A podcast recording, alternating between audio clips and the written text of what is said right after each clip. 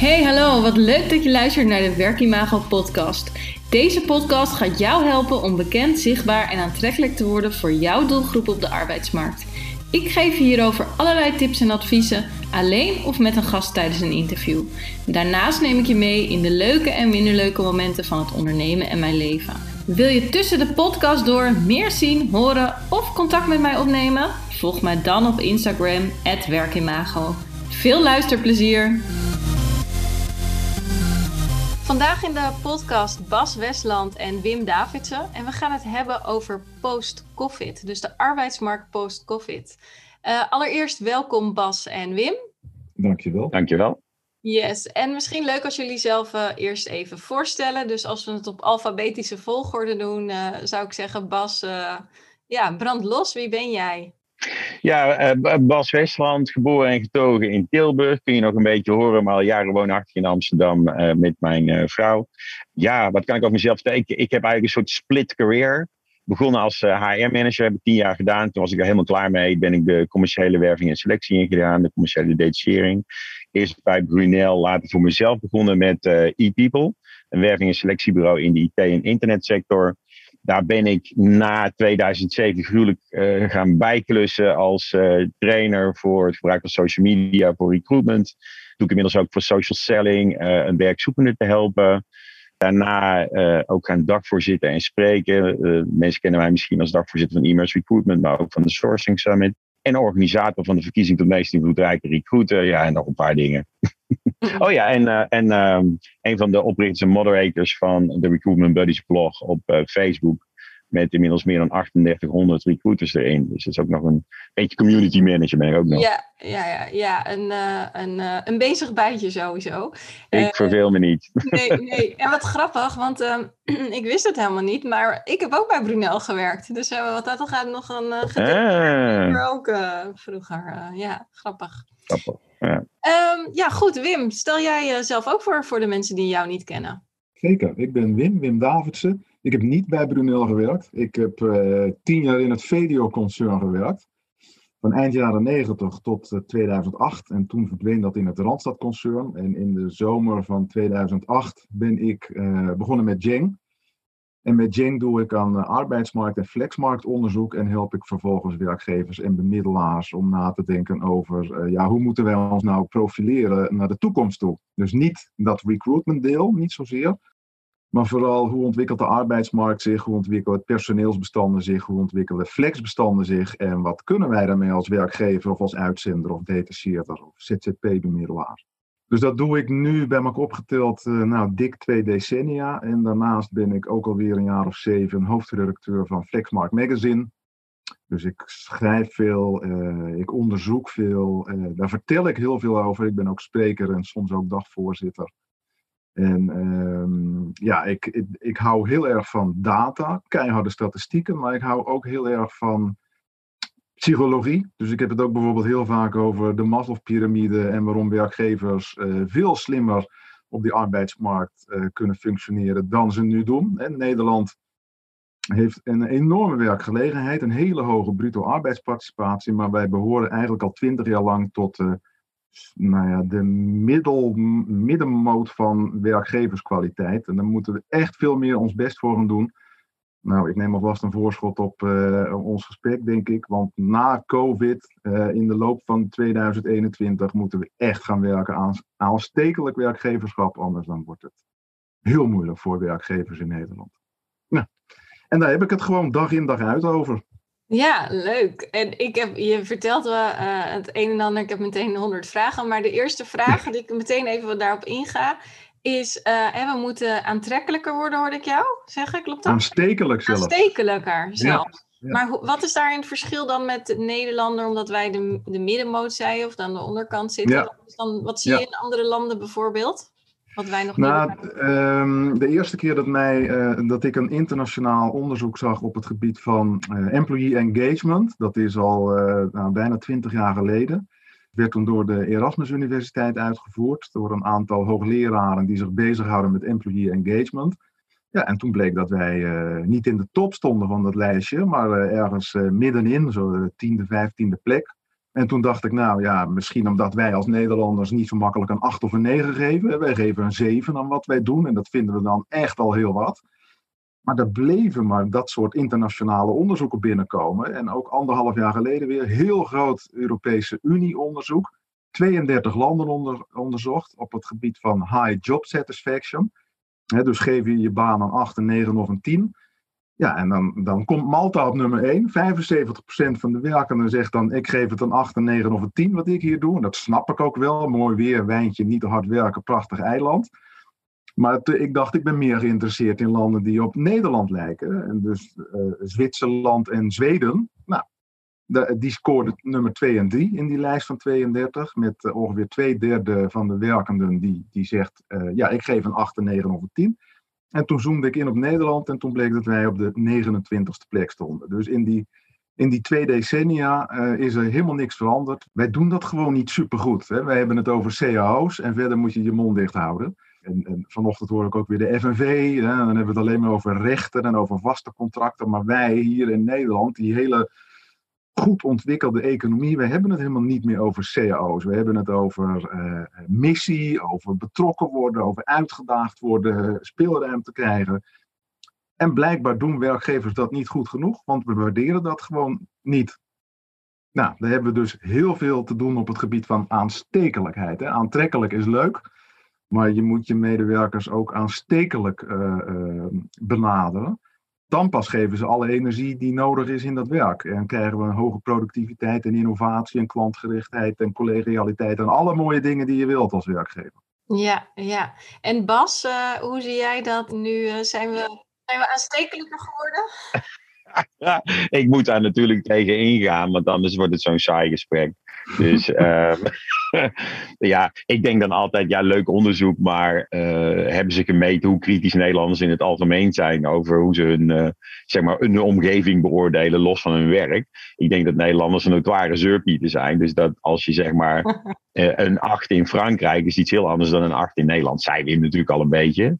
Dus ja, in hoeverre dat dat dan vergelijkbare grootheden zijn, dat is denk ik heel moeilijk vast te stellen omdat je over cultuurverschillen praat. Wat, wat ik wel interessant Zwitsers, Bas, Zwitsers zijn toch ook geen ontzettende positieve, opgewekte, vrolijke mannen en vrouwen, of wel? Nou, die zijn, die zijn wat conservatiever en misschien wat gezagsgetrouwer. Hè? Dus die hebben eerder de neiging om de baas een hoog cijfer te geven, zeg maar. Dus, en Nederlanders zijn natuurlijk van huis uit die autoriteit. Weet je wel. dus, en werkgevers worden ook gezien als de autoriteit in je werkleven. En dan denk je, ja, weet je wel, doe maar gewoon. Dus ja, wat ik wel interessant zou vinden, is om naar verschillen binnen Nederland te kijken. Dus ik weet niet of daar onderzoeken over zijn, of de MPI Engage. En wat denk ik ook een rol speelt, en dat is natuurlijk jouw stokpaardje, maar jij gaat me meteen zeg maar, vanaf mijn knieën afzagen met data, dat weet ik nu al, als ik je dit ga zeggen. Ik denk dat, uh, volgens mij is de hoeveelheid flexwerkers in Nederland een van de hoogste in Europa. Dat betekent volgens mij dus ook automatisch dat je een lossere band hebt met je werkgever. Dus je zou eigenlijk moeten corrigeren voor het aantal flexwerkers ten opzichte van het aantal mensen die in vaste dienst zijn. Nou, en als je dat onderzoek daarvoor zou corrigeren, ben ik benieuwd of je dan nog steeds laag zou uitkomen. Want het is natuurlijk logisch als je ZP of uitzendkracht bent, dat je minder binding met je werkgever hebt dan uh, of je opdrachtgever of je tewerkstellingsplek dan wanneer je in vaste dienst bent. Dus ja, het is altijd gevaarlijk om uh, zomaar te zeggen, wij doen het slecht. dus, um, nee, dat zeg ik ook niet, hè? Ja, dit is trouwens ook weer, dit is trouwens ook weer een typische... We hebben verbeterd professioneel. Nee, maar het is natuurlijk ook weer een typisch Nederlandse reactie dat ik een autoriteit op dit soort uh, gebieden zoals jij meteen uh, ja, discussie, discussie ga stellen. Dat is ook weer een oer-Hollandse reactie. Je doet de naam eer aan van een Nederlander. ja, nou ja, dat ja. is ook zo. Dat is ook zo.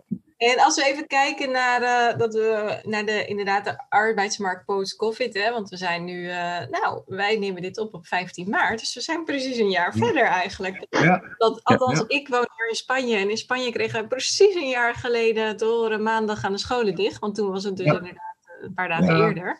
En uh, in een jaar is natuurlijk veel veranderd. En ik ben wel inderdaad even benieuwd, nu we gewoon meer, wel meer weten hoe de ontwikkelingen hè, verlopen. En hopelijk ook een beetje aan het eind van, van dit allemaal zitten.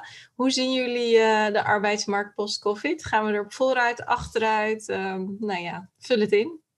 Ja, wil jij eerst Wim of ik eerst? Zeg het maar. Ja, bij ons begon die inderdaad ook op 15 maart. Zondag de 15e ging ineens de horeca dicht om 6 uur s avonds.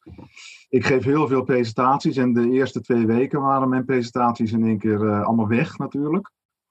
Uh, een jaar geleden. Maar vervolgens kwam dat weer heel snel op gang, omdat werkgevers en bemiddelaars dachten: maar wat gebeurt er nu echt? En uh, dan vertelde ik: weet je nog hoe de Nederlandse arbeidsmarkt erbij lag op 14 maart 2020? Nou, dat was echt gruwelijk voor werkgevers en bemiddelaars, want er was gewoon geen personeel. Het was op. Zelfs onder jongeren en onder laag opgeleiden was er schaarste. Kun je je nauwelijks voorstellen nu, eh, zo in 2021. Maar in, in alle beroepsgroepen, bijna alle beroepsgroepen, was het moeilijk om personeel te vinden en vast te houden. En vooral in de zorg, in de techniek, in de IT, in bepaalde financiële profielen was het uh, super ingewikkeld om personeel te vinden. En eigenlijk moet je uh, corona of COVID zien als een, een blipje op de radar. En over een half jaar, dan, dan hebben we het er niet meer over. Want dan zegt weer elke werkgever, ik kan ze niet vinden. Ik heb vacatures en ik kan ze niet vinden. Nu het al niet meer, wat, toch? Uh, wat zeg je, Kim? Nu al niet meer, volgens mij. Nee, precies. Uh, ik hoor nu al heel veel berichten. Precies, hè, maar nu, nu hebben we nog heel veel uh, jongeren uh, naast de arbeidsmarkt. Dus die kunnen dan in de loop van de zomer weer aan de slag. En dan zeggen we na de zomer, eh, shit, het is weer krap. En in sommige beroepsgroepen waar het al moeilijk was, gaat de turbo erop. Hè, met name digitalisering en de techniek gaat de turbo erop. Dus dan wordt het nog heftiger dan we al hebben ervaren. En dan zijn we in de tussentijd begonnen met allerlei omscholingen vanuit de horeca vanuit de luchtvaart naar de zorg en naar het onderwijs. Nou, daar gaan we ook, ook tijd van krijgen, want straks in de horeca zijn ze niet aan te slepen, al die jonge mannen en vrouwen en iedereen die, die daar zijn beroep wil uitoefenen. En dat waren ze al niet, want ik heb een aantal nee, eh, jaren in de horeca gehoord van nou, wat voor moeite we daar moesten doen om uh, zichtbaar te worden. Daarom. Ja. Daarom. Dus we hebben vijf, zes kwartalen pauze gehad. Na kunnen denken over de nieuwe toekomst van de, van de radicale jaren twintig, zoals ik ze noem. En straks zijn die er gewoon weer. En dan is het gewoon weer net zo ingewikkeld als dat het was tot en met 14 maart 2020. Ja. Dat, is, dat is even mijn, mijn uh, verwachting en stelling voor straks ja. na COVID. En jij, Bas? Ja. Nou ja, het grappige is, ik, ik ben eigenlijk een beetje zo'n uh, Wim Davidsen junior aan het spelen in mijn Facebookgroep, uh, de Recruitment Buddies. Want ik hou daar al een jaar lang. Uh, ik ben begonnen met een post, de wekelijkse shot data in plaats van emotie, noemde ik hem in het begin. En, en inmiddels noem ik, hem, noem ik hem de live arbeidsmarktupdate, omdat ik gewoon live met behulp van Jobfeed data deel. En wat je ziet is dat, uh, dat is afgelopen, dus de timing is wederom perfect, uh, Kim, dat heb je goed gedaan. Afgelopen vrijdag, want ik meet vijf indicatoren uh, al een jaar lang. En afgelopen vrijdag stonden alle vijf de indicatoren voor het eerst in de plus. En ik zal je vertellen welke dat zijn. De eerste indicator is de, het aantal actuele vacatures wat in de afgelopen acht weken gepost is dus dat die nog openstaan, die dus niet van het web gehaald zijn. Dat waren er uh, afgelopen vrijdag uh, eh, 366.000. En Jobfeed, let wel, ondubbeld. Jobfeed ondubbeld. Dat betekent dat uh, het, het aantal advertenties vele malen hoger is. Het tweede wat ik, meet, wat ik meet is het aantal werkgevers wat actief werkt. Want Jobfeed maakt een onderscheid tussen directe werkgevers en intermediairs. Um, dat getal heeft steeds geschommeld tussen de 66 en de 70.000. Afgelopen vrijdag waren er 73.850 werkgevers met actieve openstaande vacatures. Dat is ook bijna nog nooit zo hoog geweest. Wat ik ook doe, is ik kijk het jaar terug. En als je nu een jaar terugkijkt, dan, en Jobfeed pakt alleen afgesloten weken, dus dan heb je al de week van 16 maart afgesloten uh, vorig jaar. Ja, toen was de daling al enorm ingezet. Uh, en zie je nu dat uh, we geloven deze week uh, zijn er in één week bijna 77.000 vacatures gepost. En dat was vorige vorig jaar in die week van 16 maart was dat nou ja, iets in de 40 of 50.000. Dus dat is ook enorm vertraagd. Nou, dan zoom ik in op de vacatures voor recruiters. En dat is natuurlijk interessant. Dat is ook een goede indicator. En dan kijk ik ook datzelfde jaar terug. En dan zie je dat in de afgelopen week uh, het aantal vacatures voor recruiters enorm is gestegen en dat het vorig jaar heel snel aan het dalen was. En als laatste kijk ik dan naar het aantal actuele werkgevers wat vacatures of wat recruiters zoekt en hoeveel recruiters dat zijn. En dat is ook een all-time high uh, sinds, uh, sinds lange tijd. En het is de eerste keer, want ik hou het een jaar bij, want er was er altijd wel eentje die aan het zakken was, zeg maar. Is de eerste keer afgelopen vijf dat alle vijf in de plus stonden. Ja, en dat, uh, ja, dat zegt toch wel dat de arbeidsmarkt echt aan het aantrekken is. En het interessante is, en dat zie je ook aan de beurs, uh, economie is natuurlijk verwachtingswaarde. Hebben mensen een positieve verwachting over de toekomst? Of een negatieve verwachting over de toekomst? En uiteraard, als AstraZeneca is twee weken gepauzeerd, dat is natuurlijk allemaal heel vervelend. Maar dat is nog minder dan dat blipje waar uh, Wim het over had. Maar we weten allemaal dat er vaccinaties aankomen. We zien dat de kwetsbare ouderen eigenlijk al niet meer overlijden. Dus op een gegeven moment komen we in de situatie dat iedereen nog wel COVID krijgt, maar dan gewoon niet meer. Hè, er is inmiddels een. Uh, Eli Lilly heeft een werkend medicijn, wat eigenlijk nog veel belangrijker is dan een vaccinatie. En de mensen komen straks gewoon heel. En dat wordt over, denk ik, drie, vier weken goedgekeurd. Dus mensen gaan straks gewoon helemaal niet meer het ziekenhuis in. Dus dat probleem is straks gewoon opgelost. Is het gewoon een vervelende griep? Ja, en dan. Maar dan hebben we de middelen ervoor. Dus ja, en daar komt er een soort explosie in de consumentenmarkt. Dat voorspel ik je nu al.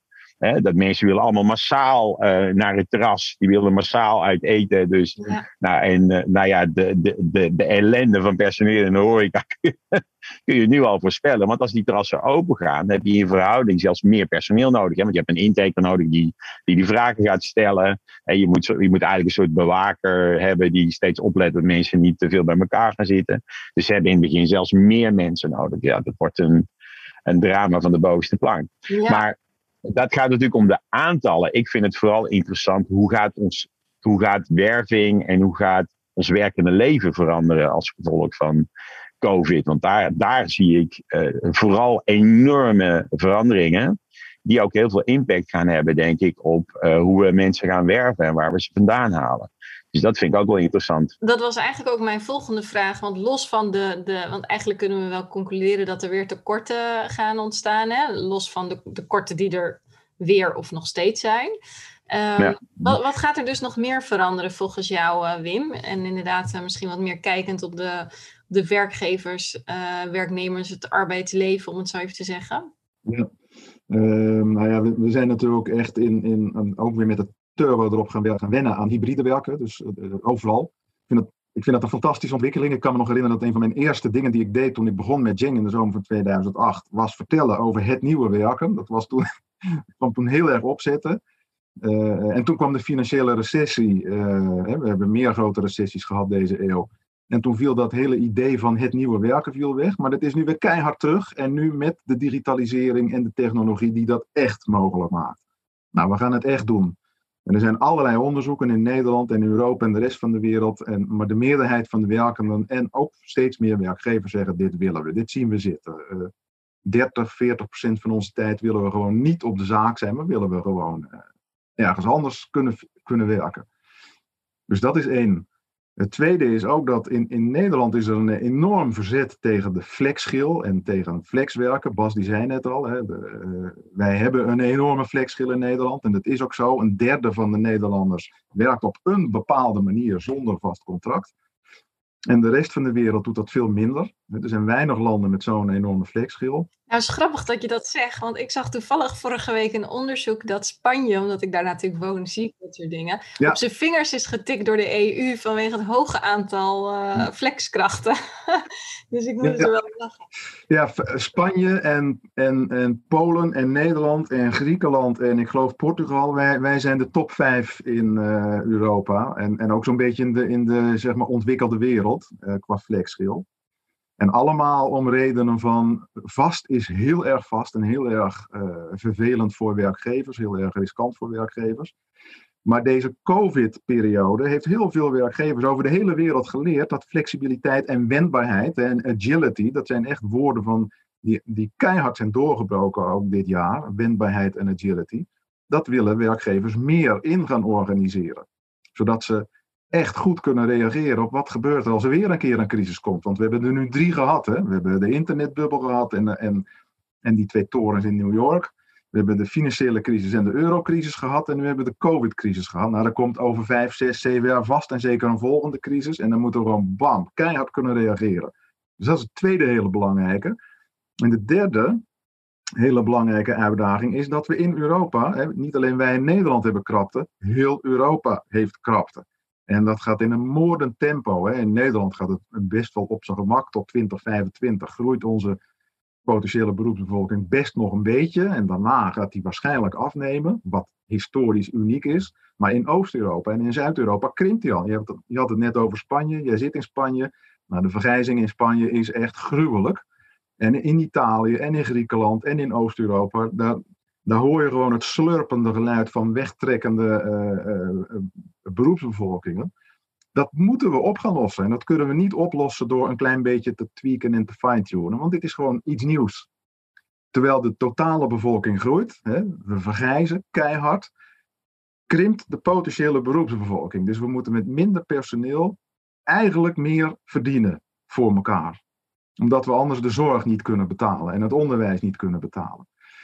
Nou, dit zijn zo drie enorme uitdagingen waar we echt iets voor moeten bedenken. En het is niet een klein beetje iets anders dan we 10 of 20 of 40 jaar geleden deden. Dus ja, super spannend. En voor iedereen die zin heeft om zijn mouwtjes op te stropen, wordt dit een fantastisch decennium. Ja, ja. Ja. Nou ja, ik, eh, ik, eh, om daarop aan te sluiten. Kijk, ik, uh, een van mijn grote opdrachtgevers is het UWV. En dan zou je denken, dat is een traditionele overheidsorganisatie. Die, ik heb nog geen UK's gehoord van de HR-directeur. Maar als ik alle lijnmanagers in de IT vraag waar ik nu mee werk. Die zeggen ja Bas, uh, post-covid.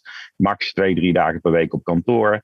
Uh, het UWV is van plan de regiokantoren die ze hebben open te stellen voor mensen die van verder weg een hoofdkantoorfunctie hebben.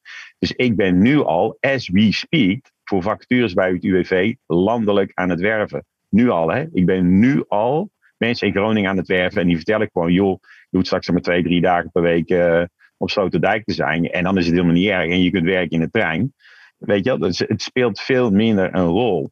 En als je naar de impact daarvan gaat kijken, en je gaat dan naar de impact kijken van het feit dat sommige functies totaal remote kunnen worden uitgevoerd, hè, dan wordt het interessant. Want dan gaan er arbeidsmarkten waar nog wel overschotten zijn, die gaan leveren via remote werken aan, aan onze economie. En dat zal ook wel moeten. Ik ga uh, deze week, waarschijnlijk vandaag of morgen, een vacature op de buddy zetten voor een resource manager bij een consultancybedrijf wat ZP'ers bemiddelt. En ik heb de klant overtuigd dat dat volledig remote kan, volledig vanuit huis, dat de persoon ook niet hoeft te reizen. Dat het dus ook iemand met een beperking kan zijn. Um, uh, en dat had ik een jaar geleden niet hoeven proberen. En die zegt nu, ja, tuurlijk kan dat, dat is geen enkel probleem. Want al het werk gebeurt online en met videocalls en whatever. Dus dat, als je bedenkt wat dat betekent, en als je kijkt naar Nederland, je ziet nu al een verschuiving van mensen die in de Randstad wonen, die naar het platteland gaan. Ik ben daar zelf een voorbeeld van. Ik werk vier dagen per week op de Veluwe, drie dagen in Amsterdam. Dus ik, ik ging nog op twee gedachten. Maar als je remote kunt werken, of, of je hoeft maar twee dagen in de week naar kantoor, ja, dan wordt dat veel meer. Dus de huizenmarkt gaat veranderen, de prijzen in de Randstad gaan dalen, in de regio gaan nog verder stijgen. Die zijn al aan het stijgen onder druk van die ontwikkeling. En die salarissen in de regio gaan ook omhoog, want de lokale werkgevers in de regio, die gaan last krijgen van mensen die in hun regio wonen, maar werken voor een goed betalend bedrijf in de Randstad. Weet je wel. Dus die hele arbeidsmarkt, die gaat uh, heerlijk op je kop. Ik heb er nu al zin in. Ja, ja, ik wil net zeggen, is dat een, vind je dat een positieve ontwikkeling? Jij ik, denk ik wel, ik, was. Ik, ik, word er echt helemaal blij van. En um, het leuke is dat de werkgevers die hierin voorop lopen, die, uh, die gaan die andere werkgevers meenemen, want anders gaan ze het gewoon verliezen op die employee engagement markt, hè, waar, waar Wim het over had. Dus de uitdaging gaat worden, hoe ga ik mijn medewerkers nog betrokken houden bij mijn organisatie, terwijl ze misschien maar twee dagen in de week op kantoor zijn. Dus je moet heel goed gaan nadenken, wat gaan we mensen uh, thuis laten doen en wat gaan we ze op kantoor laten doen. En mijn mijn uh, insteek is als je belangrijke kick-off dingen hebt voor een nieuw project, weet je wel, dat ga je op kantoor doen. Uh, je structurele overleggen, dat ga je helemaal niet meer op kantoor doen, dat is onzin. Uh, je gaat sowieso veel minder overleggen, dat gebeurt nu al, hè. Er, wordt, er wordt eigenlijk veel minder, de, oh we gaan elke twee weken met die groep zitten, ja forget it, weet je. En, en het informele stuk, weet je, de bonding, dat moet je echt gaan organiseren. Dat moet je echt gaan organiseren. Dat is heel belangrijk. En wat ik denk ook gaat gebeuren, is arbeidsvoorwaarden gaan veranderen. En je moet gaan nadenken over voor wie is dit wel en niet een fijne ontwikkeling. Als jij kijkt naar de gezinnen met kleine kinderen, uh, die uh, klein behuisd zijn. Als jij uh, 30 bent, je zit zeg maar een beetje mid-career, maar je verdient nog niet de wereld, maar je woont in Amsterdam. Ja, dan heb je hypotheek van hier tot Tokio, misschien een appartementje van, van 90 vierkante meter met, met twee slaapkamers. En als je dan thuis moet werken, terwijl die kinderen daar rondlopen. Dus ik denk dat de nieuwe arbeidsvoorwaarding niet een leaseauto wordt, maar dat je een gefaciliteerde werkplek in een coworking space dicht bij je huis krijgt op het moment dat je dat nodig hebt. Dat is veel fijner. Weet je, dus ik, verwacht, iedereen denkt, ja, die coworking spaces gaan dood. Wel nee, die coworking spaces, die worden niet meer gebruikt door ZP'ers straks, maar die worden gebruikt door werknemers die verder weg van hun werk wonen. Dus ja, joh, zo leuk wat er allemaal gaat gebeuren. Ja, ja, ik zie Wim eh, ook wel knikken. Ja. Jij bent ook zo positief over deze wending. Ja, de, de, wat ik net al zei, hè, er gaat gewoon heel veel veranderen. Maar het gaat allemaal gefocust worden op het maximaal faciliteren van de werkende. Uh, want die moet betrokken worden, die moet gefaciliteerd worden, die moet willen, die moet er blij en energiek van worden. Uh, kortom, ja, dit is gewoon heel gaaf. En voor elke goede werkgever en elke goede bemiddelaar is dit ook heel gaaf, omdat je je voorsprong op een krappe arbeidsmarkt met dit soort ingrepen echt kan verstevigen. Ja. En uh, nou ja, Bas zei net al zoiets, hè, de, de, de, de goede trekken, trekken de rest mee. En dat, dat zie je nu gebeuren, maar dat gaat alleen maar belangrijker worden, omdat al die dingen tegelijk komen. Ook die krapte, ook die, die, die verlanglijstjes van die, van die schaarse medewerkers, het, het, de vergrijzingen, de uitstroom van, van mannen en vrouwen. Uh, de, de, de jongeren die heel goed weten uh, wat je met technologie kan en wat er op de wereld te koop is. En die dus met lijst, verlanglijsten van 7 meter op je afkomen. ja, het wordt, het, het, wordt echt, echt een mooi spel. Waarin uh, ja, de FNV, die vanochtend weer in het nieuws was hier in Nederland, toch echt van aan de zijlijn staat te kijken en denkt: wat gebeurt hier? Maar voor de goede werkgevers is het, en, en voor, de, voor, de, voor de gemotiveerde en geïnteresseerde werkenden en werkzoekenden, wordt dit een prachtig decennium. Ja. Nou, misschien als, als mooie afsluiting ook zo. Welke, welke laatste tip heb je voor werkgevers om, om hier ja, in mee te gaan of op, op in te springen? Of uh, hè, hoe je het wil noemen? Nou, de, de, ik weet dat uh, in de marketing en ook in de recruitment marketing is het persona-denken echt steeds populairder geworden. Dus je uh, echt verdiepen in de vraag wie is nou mijn doelgroep en waar zit die mee en hoe kan ik die dan triggeren. Nou, dit wordt echt dit wordt echt super belangrijk en onmisbaar. Dus als werkgever en als bemiddelaar, heb een persona en wees er helemaal klaar voor. Want anders word je aan alle kanten gepasseerd door degene die zich wel verdiepen in de doelgroep. En ga dan voor aanstekelijk werkgeverschap. Ja, ja, daar komt hij weer.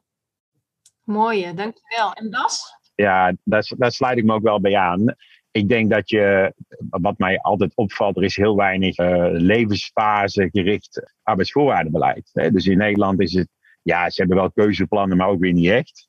Maar als je nou kijkt naar de afgelopen periode hè, en je zult krap wonen en je hebt kinderen die je homeschooling moet geven, daar was gewoon geen, plat gezegd, geen ruk voor geregeld voor die ouders. Helemaal niks.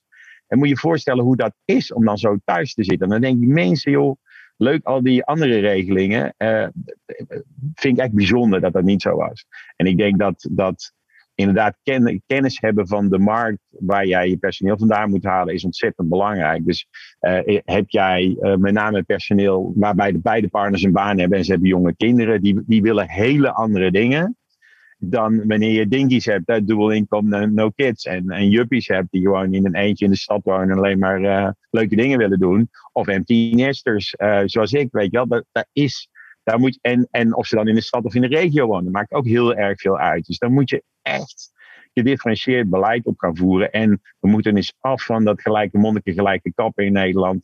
Mensen zijn verschillend, leven verschillend. Durf onderscheid te maken, weet je wel. Durf onderscheid te maken. Ik denk dat dat echt heel erg belangrijk is. Ja, we komen eigenlijk uit op, uh, op twee of meerdere persona's, hè? Zoals je nog komt. Ja, uiteraard. Uiteraard. Ja, absoluut. Eén persona, maar meerdere inderdaad. Uh. Uit, uiteraard. En wat ik wel, ik wil nog wel twee nuanceringen doen. Wat Wim net zei, wat ik wel merk, is dat door de onzekerheid van COVID het verlangen naar het vaste contract wel weer een stuk groter is dan vroeger. Hè? Dus we kunnen wel de FNV afserveren als een stelletje uh, zeg maar antieke mastodonten. Maar je merkt wel, ik als uh, recruiter uh, in de werving en selectie, hè, dus ik probeer mensen vanuit de ene vaste baan naar een andere, soms meestal tijdelijke baan te krijgen. Ja, dat is op dit moment gewoon een stuk lastiger. Weet je? Dus je merkt toch dat mensen die vastigheid wel willen. Maar ook dat hangt natuurlijk weer af van de persona waar we het net over hadden. Hè? Als jij een huurappartementje hebt en uh, verder geen uh, dependents en mensen die van je afhangen. Ja, dan is het natuurlijk allemaal heel erg makkelijk. Dan kun je makkelijker risico nemen dan wanneer dat niet zo is. Dan wanneer je studerende kinderen hebt, bijvoorbeeld, die elke maand een toelage moeten hebben. Of god beter het als je een samengesteld gezin hebt met alimentatie die er aan twee kanten uitstroomt. Verzin het maar. uh, en we moeten natuurlijk niet de mensen in de concrete beroepen uh, vergeten. Hè, want we hebben het allemaal over thuiswerken. Maar dat is in het primair onderwijs, hebben we al lang gemerkt, erg moeilijk. Voortgezet onderwijs ook. Mijn zoon zit op een HBO. Die wordt ook doodongelukkig van de hele week naar het scherm kijken. En ja, dus er zijn nog steeds heel veel beroepen uh, al die monteurs, uh, hoogst schaarse monteurs, die ons moeten helpen met de verduurzaming van de samenleving. Ja, die zitten allemaal in busjes en die gaan naar bedrijven, die gaan naar mensen thuis. Ja, thuiswerken voor die gasten, vergeet het, weet je wel. Dus we moeten ook een beetje oppassen. En dat gevoel krijg ik ook een beetje naar die persconferentie van Mark Rutte luister. Hé Mark, er zijn nog mensen die gewoon elke dag naar klanten toe moeten. Weet je wel, omdat ze nou eenmaal iets concreets doen. Weet je al die loodgieters, elektriciens, uh, al die mensen in de zorg. Weet je, laten we vooral uh, zorgen dat er niet een soort tweedeling in de samenleving komt van de mensen die zeg maar, in de uitvoering onze hygiene factors regelen, terwijl wij als hoogopgeleiden lekker alles remote en uh, vanuit huis kunnen doen. Hè. Daar moeten we wel echt voor oppassen. En ik denk dat, en dat zie ik ook eigenlijk een beetje terug in de IT waarin ik werf. Ik denk dat er ook een herwaardering gaat plaatsvinden voor dat soort beroepen. Ik denk dat we met z'n allen ontdekt hebben in de afgelopen jaar hoe belangrijk de mensen zijn in dit soort concrete beroepen. Kijk, in de IT wordt, werd altijd neergekeken op de mensen die de plumbing deden, die, die voor verbinding en connecties zorgen. Nou, kan je vertellen, de waardering voor dit soort IT'ers is behoorlijk toegenomen de afgelopen periode. Want als jouw Zoom niet werkt en jouw verbinding niet werkt, en, uh, dus, dus ook binnen mijn sector zie je daar een verandering in. Ik denk de waardering van de mensen in de zorg. Dus ik denk dat we ons met z'n allen moeten gaan instellen, want de hoeveelheid geld is eindig, dat er een soort verschuiving gaat plaatsvinden van de loonsom van de, de hoger opgeleiden die lekker thuis van alles kunnen doen, richting de mensen die een concrete praktische beroepen hebben, die dat soort dingen niet hebben.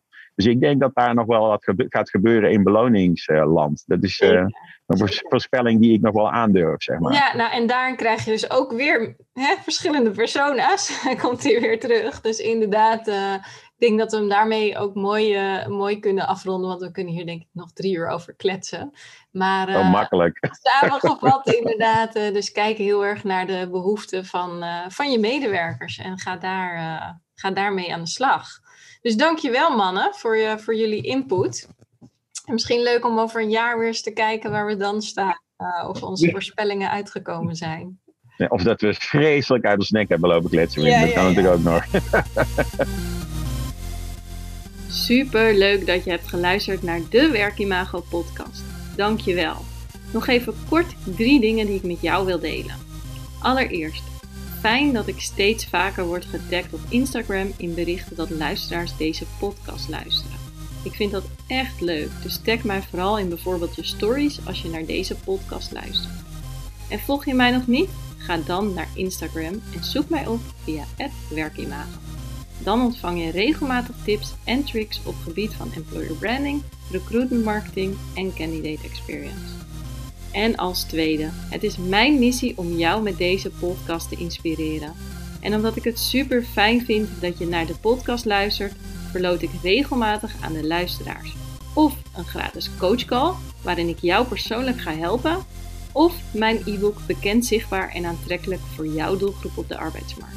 Net wat jij het leukste cadeau vindt. Wil je hier kans op maken? Geef de Werkimago podcast dan een review via de podcast app waarmee je deze podcast luistert. Stuur daarna een printscreen naar kim.werkimago.nl of via een DM op Instagram. Ik vind het natuurlijk ook super leuk als je een bericht of DM stuurt, als je vragen hebt of bijvoorbeeld wil reageren op een podcast of wat dan ook. Laat het mij vooral weten. En als laatste, abonneer of subscribe je vooral op de Werkimago podcast.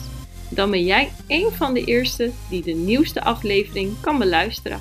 Heel graag tot de volgende keer.